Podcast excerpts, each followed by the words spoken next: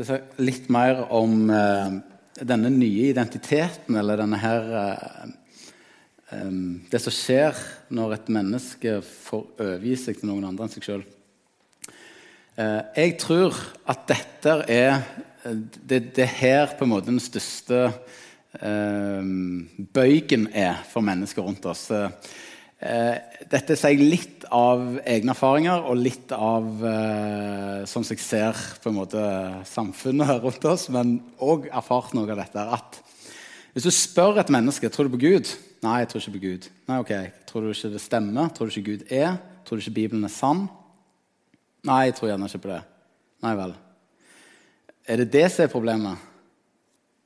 Hvis jeg hadde klart å overbevise deg Sånn at du hadde blitt helt overbevist om at det som står i Bibelen, er sant, at Gud er den som han sier han er. Hadde du da vilt hatt med Jesus å gjort? Eller fulgt Jesus? Hvis de da mot formodning noen gjerne skulle svart ja, så har jeg lyst til å spørre dem om jeg kan få en halvtime og prøve å overbevise dem om at det er større logikk og sannsynlighet for, og det mener jeg oppriktig, for at det er en Gud, og at det er Bibelens Gud, enn at det ikke er. Men Min erfaring er like mye at eh, det er ikke det som er problemet. Om det så var, og det har jeg fått hørt flere ganger Om det så var Kristian, at du har rett Jeg er ikke interessert. Jeg vil, kjøre, jeg vil kjøre mitt eget løp. Jeg vil bestemme i mitt eget liv. Det er det som, har, det er, det som er hovedutfordringen eller problemet. Som vi gjerne ikke ser før vi ser det, da. Så vårt, det nye livet med Gud, disippellivet med Jesus livet, Det livet som Jesus beskriver og tilbyr oss, det begynner med ingenting mindre enn død. Det er det jeg har lyst til å si noe om nå. Og jeg har heller ikke lyst at vi skal gjøre det til noe mindre enn det. For Jeg vil at mennesker som ønsker å søke Gud, skal få lov til å erfare og oppleve the real deal. Ikke norsk eh, kristenhet eller religiøsitet anno 2021. Så det begynner med død. Um, og etter død så er det ei grav. Det som er dødt, trenger å begraves. Og så står det at det som ble begravd, det reiste han opp til et nytt liv. Ny identitet.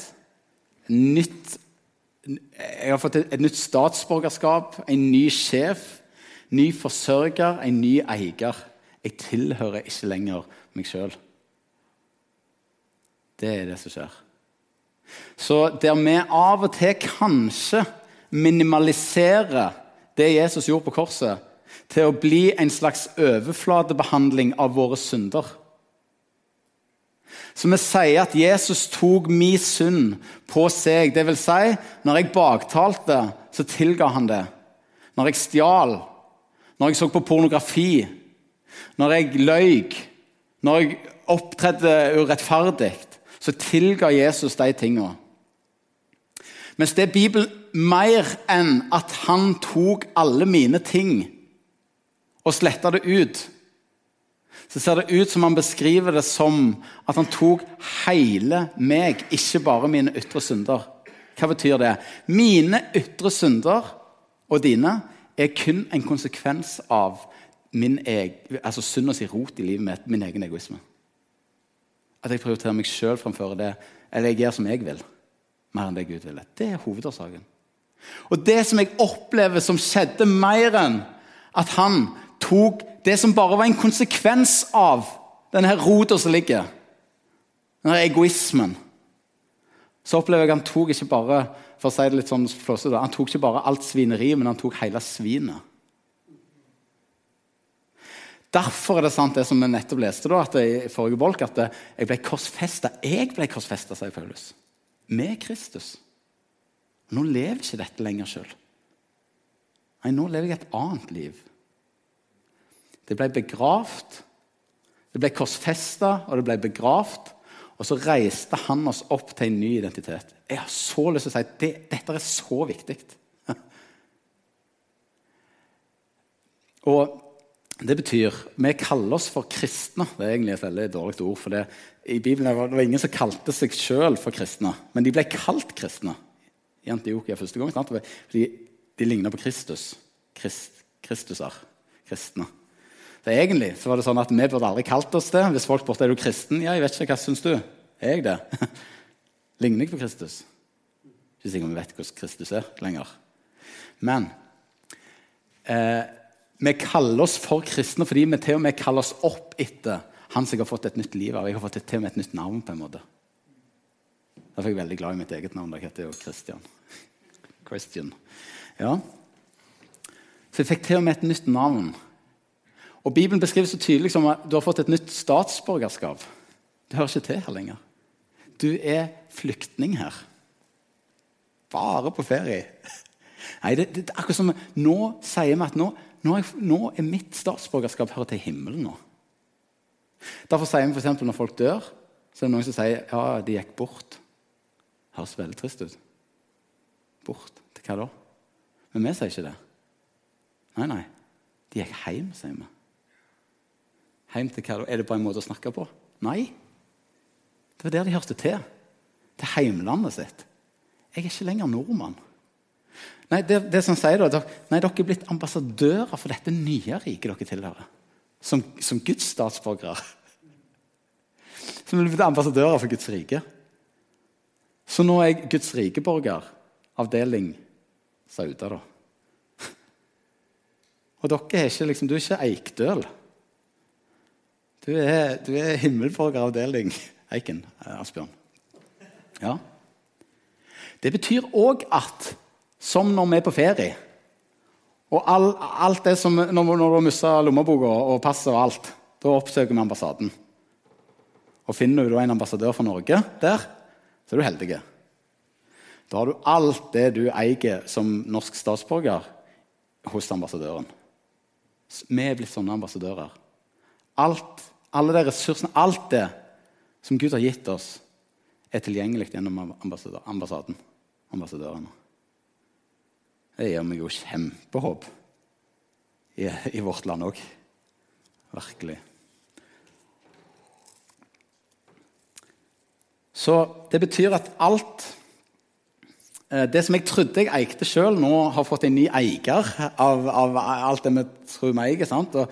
En ny forsørger. Det, dette er, det, det er totalomveltning, det Bibelen snakker om, når en får lov å overgi seg. Kapitulere. Så I 2. Korinterne 5, 17 står det nei, den som er i Kristus. Å oh ja, i, altså du, er fått, du, er, du er, det er en ny identitet. Han er en ny skapning. Det gamle er vekke. Se, alt det nye er blitt til.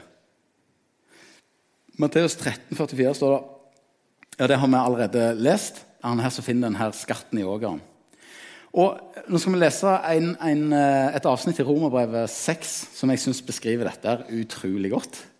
Så nå får dere bare høre godt etter. Prøve. Det, det er litt sånn mange kristelige ord som kan være vanskelige å Men jeg skal prøve å lese det så seint så at vi får det med oss.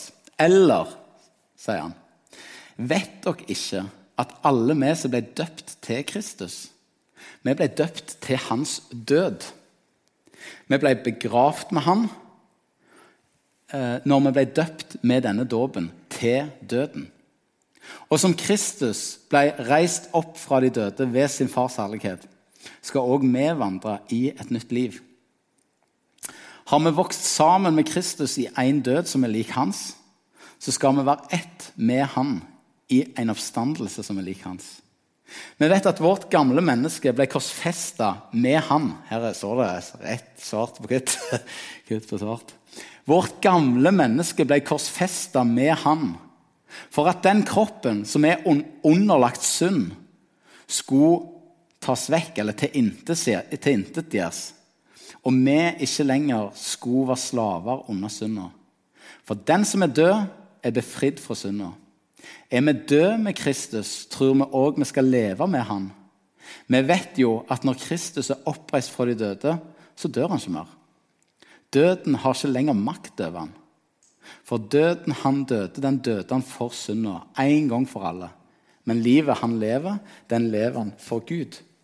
På samme måte skal dere regne dere som død for synda, men levende for Gud i Kristus Jesus. I Kristus Jesus. Så vår nye identitet beskriver han som at nå er du, nå er du i en annen. Du, du, du, du, er i Jesus Kristus. Og da, da, er, det, da er, en, du, en, helt annen enn den du var før.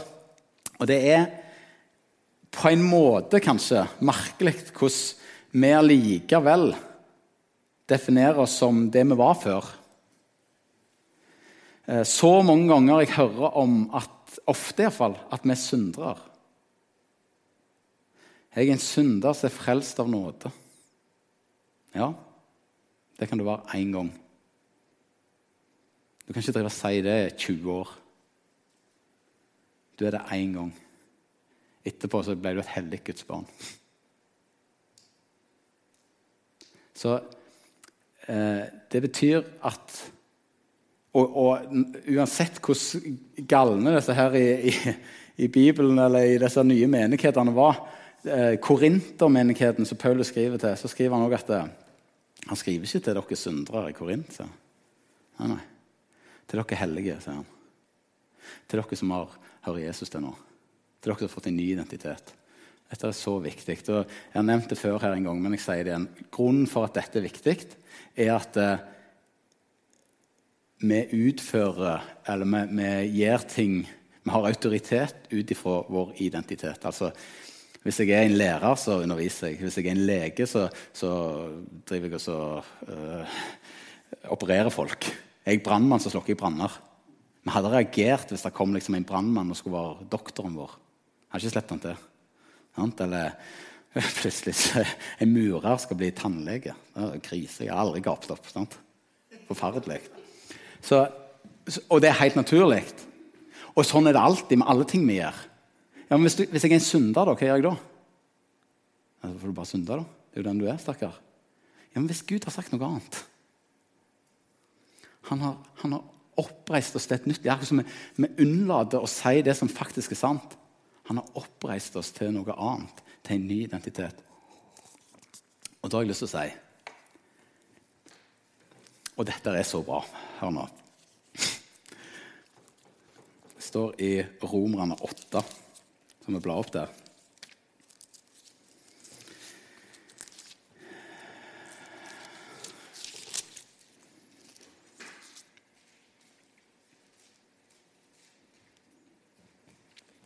Vers 3.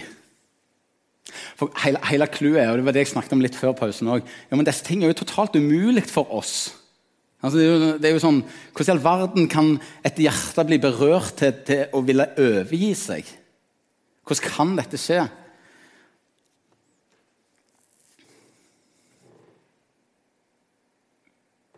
Der står det 'det som var umulig for loven'. Fordi han sto maktesløs pga. vårt kjøtt og blod, vår egen egoisme. Jeg skal, prøve å putte ned. Det som var umulig for gode, gode, regler om hvordan jeg og du skulle oppføre oss. God disiplin. Disiplin funker jo en liten stund. Helt til motivasjonen er vekke. sant? Så funker ikke disiplin lenger. Det som var umulig for oss, med regelbud, gode regler det, altså sånn, Sosial kontroll, eller sant? På grunn av egoismen vår. Det var umulig av egoismen vår. Hva var det med det? Det gjorde Gud, det som var umulig. Hva var umulig? Han sendte sin egen sønn som syndoffer i akkurat samme kjøtt og blod, menneskekropp, som oss. Som syndige mennesker har. Og holdt dom over synda i oss. Sånn skulle det som lov og krever, bli oppfylt i oss, som ikke lever sånn som kjøttet vil, men sånn som ånden vil. Jeg har bare lyst til å anbefale hele kapittel 8 i Romerne i forhold til hvordan ser dette livet i overgivelse. Og Det er sånn tydelige kontraster som Paulus drar opp i dette, i dette kapittelet. her. Helt tydelig. Det er, han, han, det er liksom sånn Den som lever et liv drevet av Ånden, han bøyer seg under Guds ord, står det. Han som ikke gjør det, han, han, han kan ikke. Han har ikke evnen til det, står det i King James-utgaven. Den som drev av Han er opptatt av det som hører ånden til. Men han andre, da, den som drev av kjøttet, sine egne lyster, han er opptatt av det som hører her til, meg til, meg mitt. Jo, men prøv meg sjøl på dette. Ta opp speilet, Kristian. Jeg trenger å stille meg disse spørsmålene og svare dem ærlig ut. Og Det som ofte skjer da, det er det der som var den hemmeligheten som Paulus skrev om til Timoteus. sant? Om vi kunne komme til sannhetserkjennelse. Sånn at jeg kan kapitulere. Se meg kondemnert. Er dere med? Nei, jeg må gi meg. Så forskjellen altså Det å bøye seg under noe Gud sier, det er jo å gi han rett. Eller jeg legger ned mitt. Jeg legger til og med ned retten til å ha rett. Det ser ut som at det, det handler om å overgi. Og Nå snakker jeg om, om, egentlig på en måte to ting. og Det er det samme vi snakker om når det handler om dette med å omvende seg. Det skjer en type, sånn type omvendelse for første gang. Og så står det likevel noe om en, sånn, akkurat som en daglig omvendelse. Vet du hva? Jeg tror En gang så fikk jeg et nytt liv. Og så trenger jeg å overgi livet på ny, eller ting på ny, eller ting som dukker opp. Som, som fienden ønsker å liksom fange oss inn igjen med.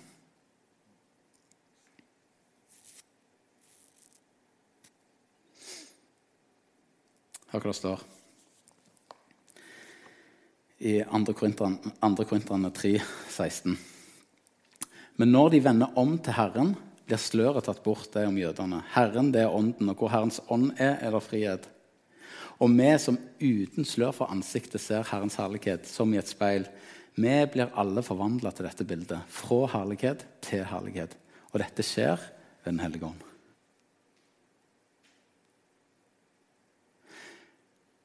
Sånn, nå begynner jeg å prøve å si noe om noen type nøkler.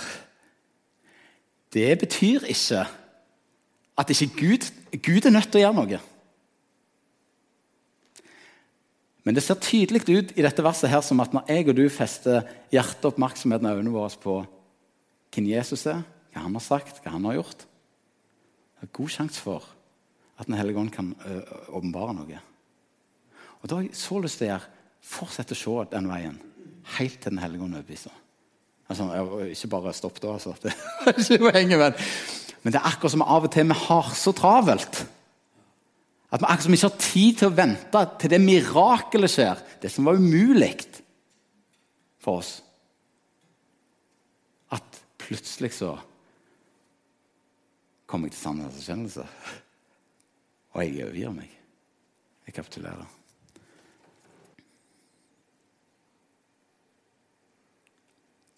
Jeg tror det er lett å slå beina under en som har identiteten sin i noe annet enn Jesus. Ehm, og jeg tror det er en av grunnene for at Jesus eh, han begynner sin gjerning med at han trenger å bli døpt. Har vi allerede lest en del om dåpen, og jeg skal ikke gå veldig mye inn i det. Men eh, det går an å lure på hvorfor Jesus skulle bli døpt. Han var Guds sønn. Var det strengt tatt nødvendig? Hvis vi tror det vi tror om dåpen. Eh, men det skjer jo noe i denne dåpen som jeg syns er veldig interessant. Og Det som skjer, er jo at eh, eh, det kommer en stemme og en skikkelse som ei due. Og denne stemmen er far i himmelen som har behov for Det høres ut som det er viktig for ham å få sagt noe til Jesus. Hva han sier han? sier, 'Du, jeg elsker deg.' Du er, du er sønnen min. Min elskede sønn. Jeg har velbehag i deg. Det høres ut som et gammeldags ord. Jeg digger deg. Jeg, jeg, har glede over å se på deg. Akkurat sånn som en far kan se når han ser ungene sine. Åh, Der skjer jo noe. Det smelter inn i hjertet litt sånn. Jeg kan si det for min egen del. Bare, åh, du skulle bare visst. Jeg, var det så viktig? Visste ikke Jesus det? Det ser i hvert fall ut som at det er ganske viktig at dette skjer før noe annet. For det som skjer rett etterpå, det er at Jesus går, eh, blir ledet ut i ørkenen i, i bønn og faste. Og der kommer, kommer djevelen og frister han. Hva er det, hva er det djevelen frister han med? Brød og, og, sånn, og makt. Og, ja, men, men, han begynner alltid med noe annet. Hva han begynner med? Han begynner med å si Hvis du virkelig er Guds sønn Han går på identiteten hans. Hvis du, hvis du liksom Hvem er du egentlig? Så syns jeg det er så fint at det var godt at han rett før hadde fått lov til å bli bekrefta på det som er helt sant, som Gud har sagt. Som han sikkert burde visst det fra før, men han trenger å ha det en gang til. Og få på en måte bare stemple en Vet du hvem du er? Du er den som i, I Kristus så har jeg og du vi er blitt en helt ny skapning. Gud har den største velbehag. Vi står, vi står med fri adgang i Kristus. Vi er hans barn. Vi er liksom Ja. Ok. Um, jeg skal lese en tekst. Det står i Kolosserne 2. Kan dere slå opp hvis dere har Bibel? Med Kolosserne 2, vers 6.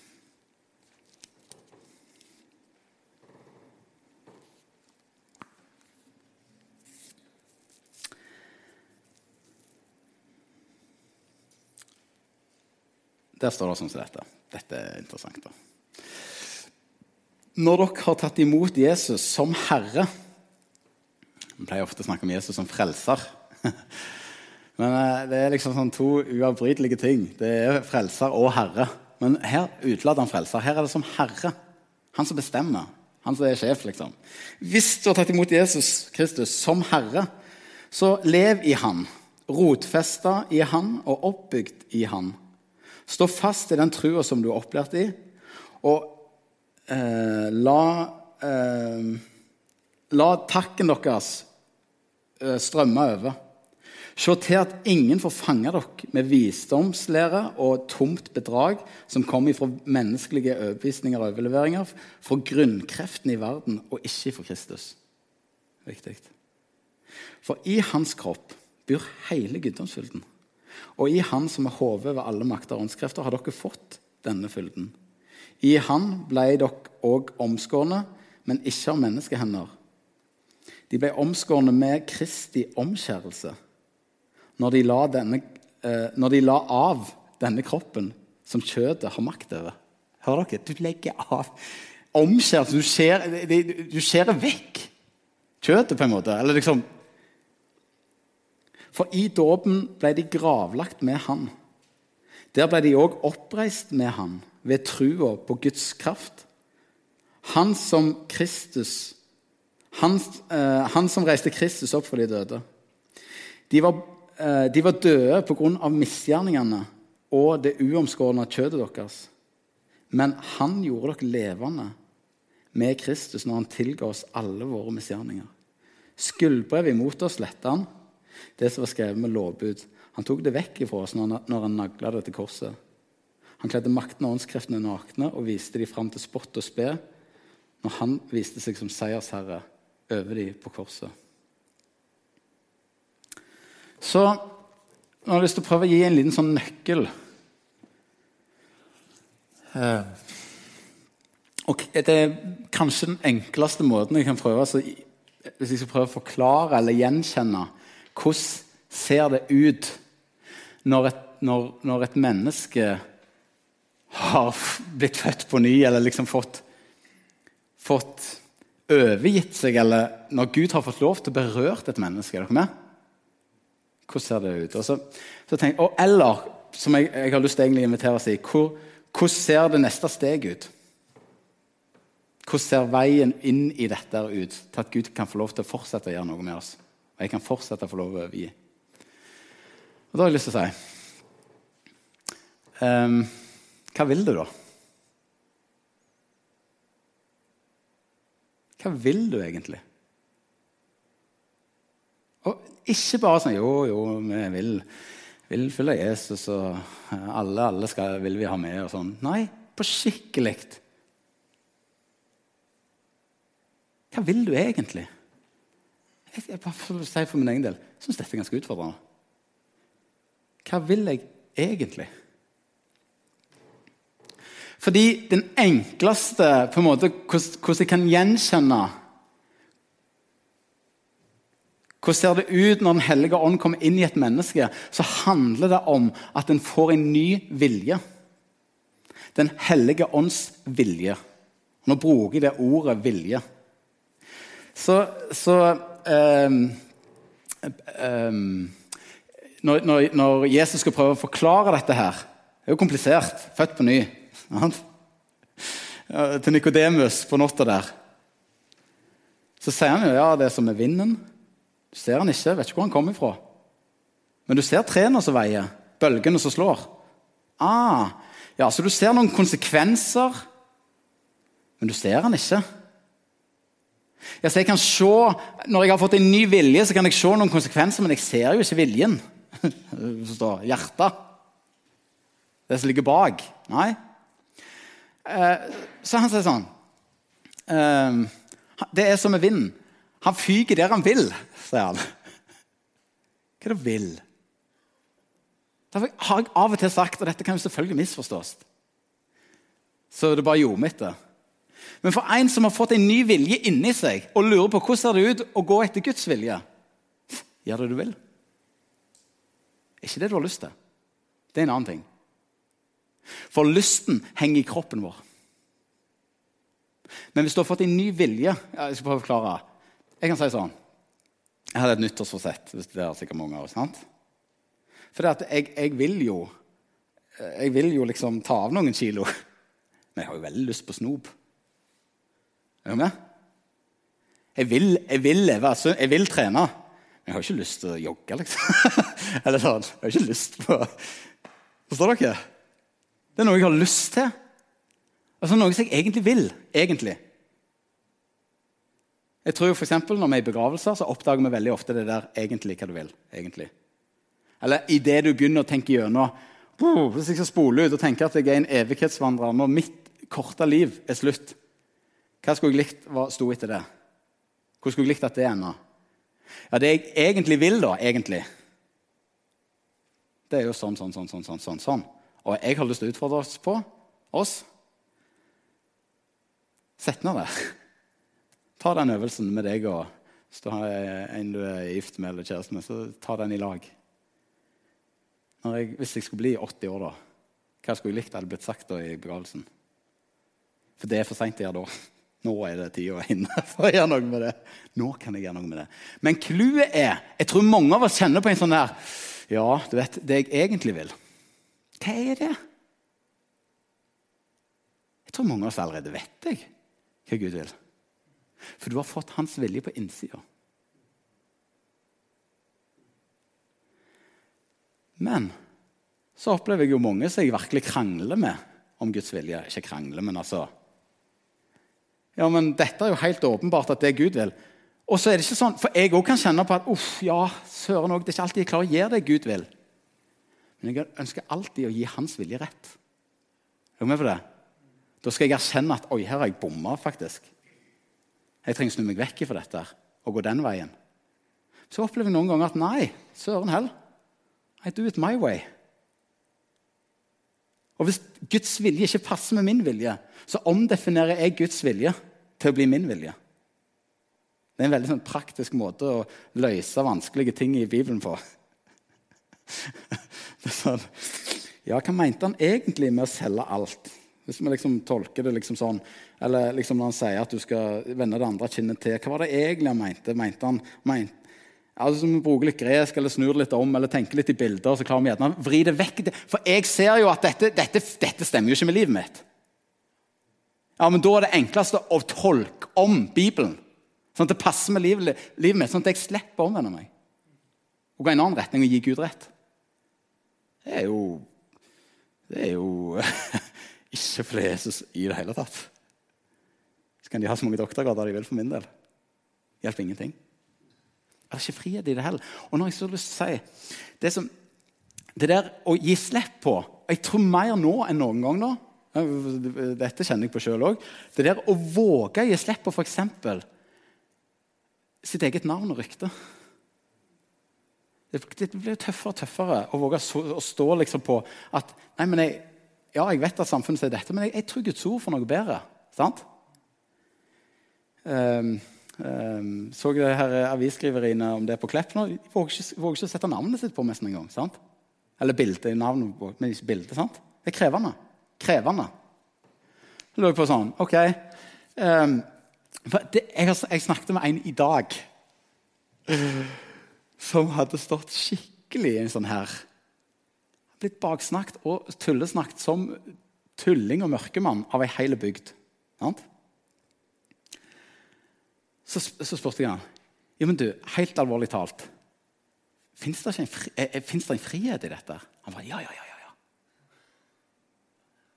For det er klart, Du blir jo ikke dette før du våger. Det går an å pyse seg til. sant? Så du, du, du, du går an å gjemme seg. Men den tullingen som våger sant?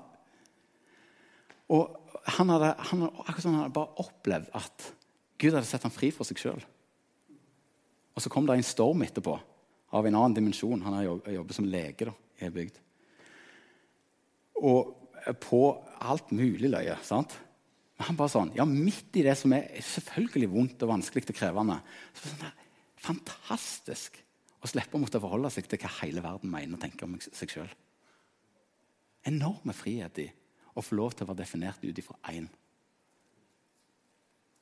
som har bare gitt meg en ny identitet. Den, den, kan jeg få lov å snakke så varmt om. altså.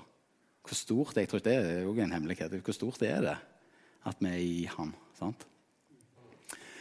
Um, så vilje, Det er forskjell på vilje og lyst. Det er poenget mitt. Og Derfor har jeg lyst til å si til oss hvis jeg faktisk ikke kjenner verken på en krig mot synd, mot ondskap og egoisme i livet mitt Det er ikke noe som, det det er eh, one way. Det er bare død fisk som fyller strømmen, har jeg lært. Sant? Hvis det er bare én strøm, er det dødt. Og Her er Bibelen klokketydelig. Jeg har ikke lyst til å gjøre det. For, og det er ikke for å være kjip med noen. Vet du hva det står at Den hellige ånds oppgave er? Overbevist om synd. Hva er synd, står det rett etterpå. Synd er at de ikke tror på meg. Vi prøver jo alt vi kan å definere hele verden innenfor disse rammene vi kaller for kristendom. Jo, men du tror sikkert litt. Det skal Den hellige ånd prøve å gjøre. Han prøver å få, få øynene opp for deg at du tror ikke. Du tror ikke på Gud. Når det skjer, så er det sånn her Oi, nå skal du vite at Gud er kjempegod mot deg. Det holder på å skje et mirakel i livet ditt. Bare fortsett å gå til du overgir deg. På en måte. Så Derfor har jeg lyst til å si hvis jeg ikke kjenner på denne viljen, så trenger, trenger vi å begynne å sette øynene våre på Jesus. Det, vi trenger det uansett. Det, det, poenget mitt er ikke det. Men det er ikke det Bibelen beskriver. Da trenger vi å overgi oss sjøl til Han. Det, det, er poenget mitt. Um, og, og da, da, er det ikke sånn så du leser, det akkurat som du bare leser det igjen og igjen. Jødene klikker jo på Jesus når han begynte sånn Hallo! Vi, er Abrahams barn. Vi har alt på plass. Det er så mange som burde liksom virkelig revurdert sin stilling som kristen enn oss. Se deg rundt, liksom Jesus. Ta samaritanerne eller noen andre. Mye større problem. Nei, nei. Det, det, det, det, er så mange som tror at det liksom er folk som eh, ikke kjenner Gud, og politikere sånn, som liksom driver og, og sekulariserer Norge eller avkristner Norge. Bare tull. All avkristning skjer alltid i kirka blant oss kristne. Når jeg sier kirka, så mener jeg ikke statskirka, jeg mener oss kristne. All avkristning skjer alltid ifra kirka. Det var en digresjon. Men nå har jeg lyst til å avslutte. Det er dags for det. Med én ting. Fordi det som skjer av og til, er at vi prøver og, Eller det er vi, ok, vi, vi, trenger å overgi oss til Gud. Ja, da, da, eh, da, lufter jeg hendene under lovsangen, for da overgir jeg meg vel. Sant? Eller da, da gjør jeg noen sånne ting. nå bare prøver jeg å si noen sånne type feller som vi fort kan gå i.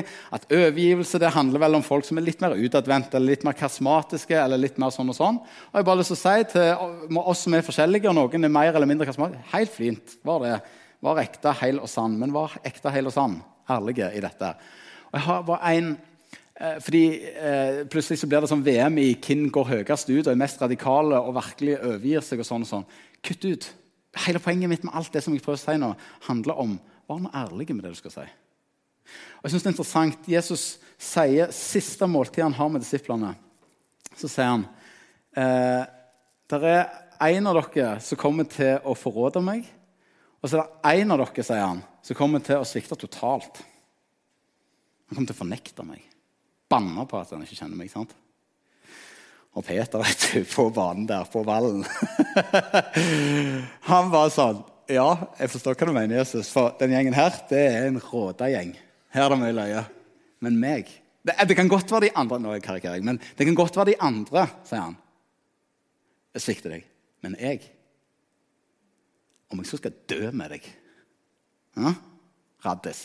Høyt ut. Jeg, jeg har jo vite alt. Ja, ja, ja. Hør på meg, da. Ja. Så det, det, går bra. Hva er det Jesus sier da? Peter? Du kommer til å svikte meg.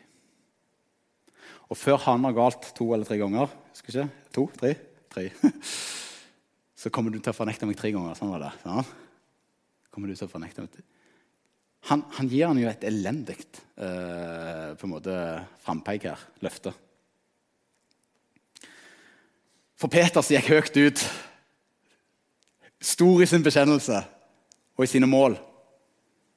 Og så vet vi hva som skjedde. Jesus fikk jo helt rett. Jeg synes det er interessant. De møtes eh, Jeg skal lese teksten. De møtes etter Jesus har stått opp igjen på stranda. Så har de et måltid mat der. Så står det at når de var ferdige med måltidet, så sier Jesus til Simon Peter, 'Simon, sønn av Johannes, elsker du meg mer enn disse?' Han svarte, 'Ja, Herre, du vet jeg har deg kjær.' Jesus sier til han, 'Føl lammene mine.' Igjen, for andre gang, sier han, 'Simon, sønn av Johannes, elsker du meg?' 'Ja, Herre, du vet jeg har deg kjær', svarte Peter. Jesus sier, 'Vær gjeter for sauene mine'. Så sier han for tredje gang, 'Simon, sønn av Johannes, har du meg kjær?' Eller 'elsker du meg?' Peter blir bedrøvet over at Jesus for tredje gang spurte han om han hadde han kjær, eller om han elsket han. Og han sa, 'Herre, du vet alt.' Du vet at jeg har deg kjær. Jesus sier til ham, 'Føl lamma mine.' Sannelig, sannelig, jeg sier deg. Når du var ung, bandt du beltet om deg og gikk der du sjøl ville. Men når du, blir, når du, blir, gammel, skal du strekke ut hendene dine, og en annen skal binde belte om deg og føre deg der du ikke vil. Dette sa han for å gi til kjenne hvilken død han skulle ære Gud med. Når han hadde sagt dette, sa han til Peter, 'Følg meg'. Og For å forstå denne teksten bedre så trenger vi faktisk å vite litt av det så av og til litt sånn dumt, men For meg ble det i fall mye tydeligere når jeg forsto litt av hva ord som ble brukt her. For det å elske noen det kan vi jo si i hytt og dynevær. Og vi vet 'I love you'. sant? Ja, 'I love my dog'. Jeg elsker pizza. jeg elsker, Og så elsker kona mi. Ja, men er det det samme, liksom? sant? Vi bruker ordene i hytt og dynevær. Og her òg. Og det er spesielt tre ord for det å elske som blir brukt i, på gresk. da. Um, uh, ulike ord ene er filios, som handler om en sånn Ja, jeg, jeg er glad i deg. I love you. Sant? Kameratslig, eller sånn, et vennskapskjærlighet som en ofte har til både familiemedlemmer og til, til venner.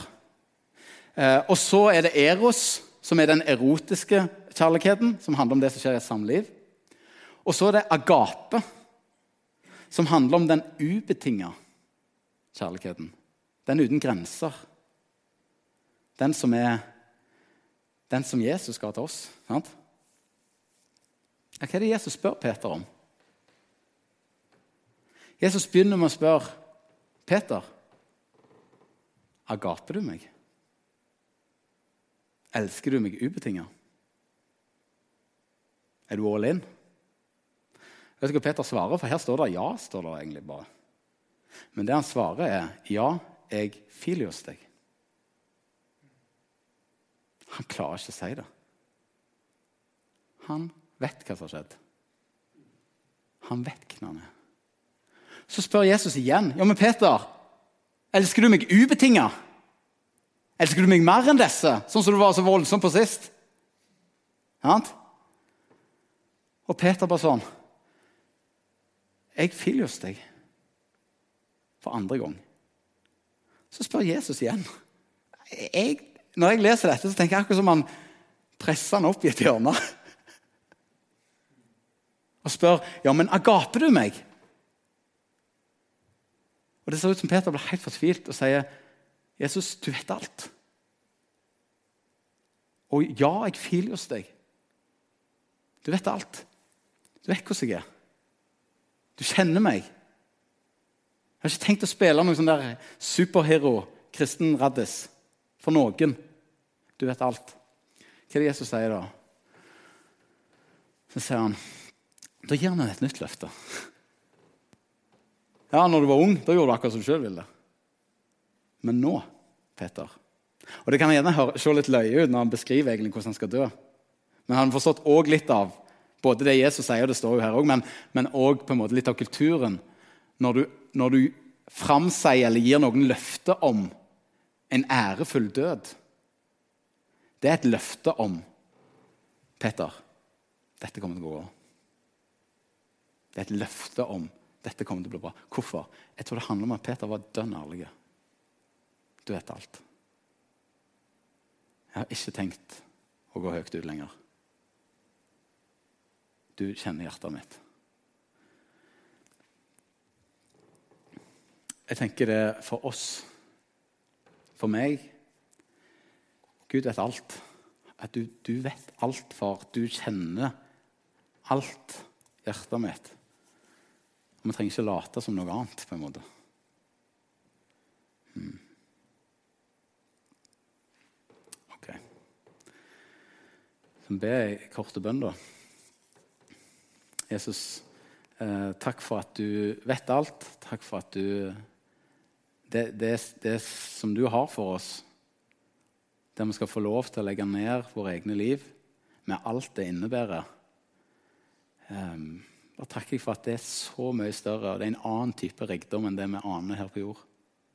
Det handler om noe annet. Og nå har jeg så lyst til å be om at vi tar de der prosessene og de samtalene, deler dette med noen rundt oss. Disse prosessene trenger å deles med andre for å hjelpe oss til å overgi. Der har du gitt oss hverandre fellesskapet til å hjelpe oss til å fortsette å overgi og legge ned våre egne liv. Og ikke minst ha et friskt blikk som ser at det du har for oss, og det å få lov til å legge ned livet, handler om en ny type frihet. En annen, en annen virkelighet og frihet enn å prøve å edde deg på min kristendom. Så jeg har bare lyst til å be om det. Og åpenbaringa av og kapitulasjon overfor du, Jesus. Og bare så takknemlige for at du overvant døden og mørket fienden og hatet og urettferdigheten. Du er så god, Jesus, og du er vår seiersherre. Vi er så glad for at vi skal få lov til å leve livet som dine i deg med den nye identiteten. Og det er ikke forbeholdt noen spesielle. Nei, nei. Det er forbeholdt for de som bare ønsker å legge ned sitt eget liv.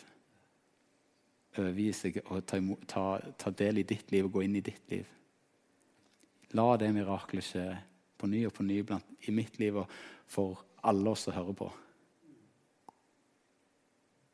Og ber om det i Jesu navn. Ja. Amen.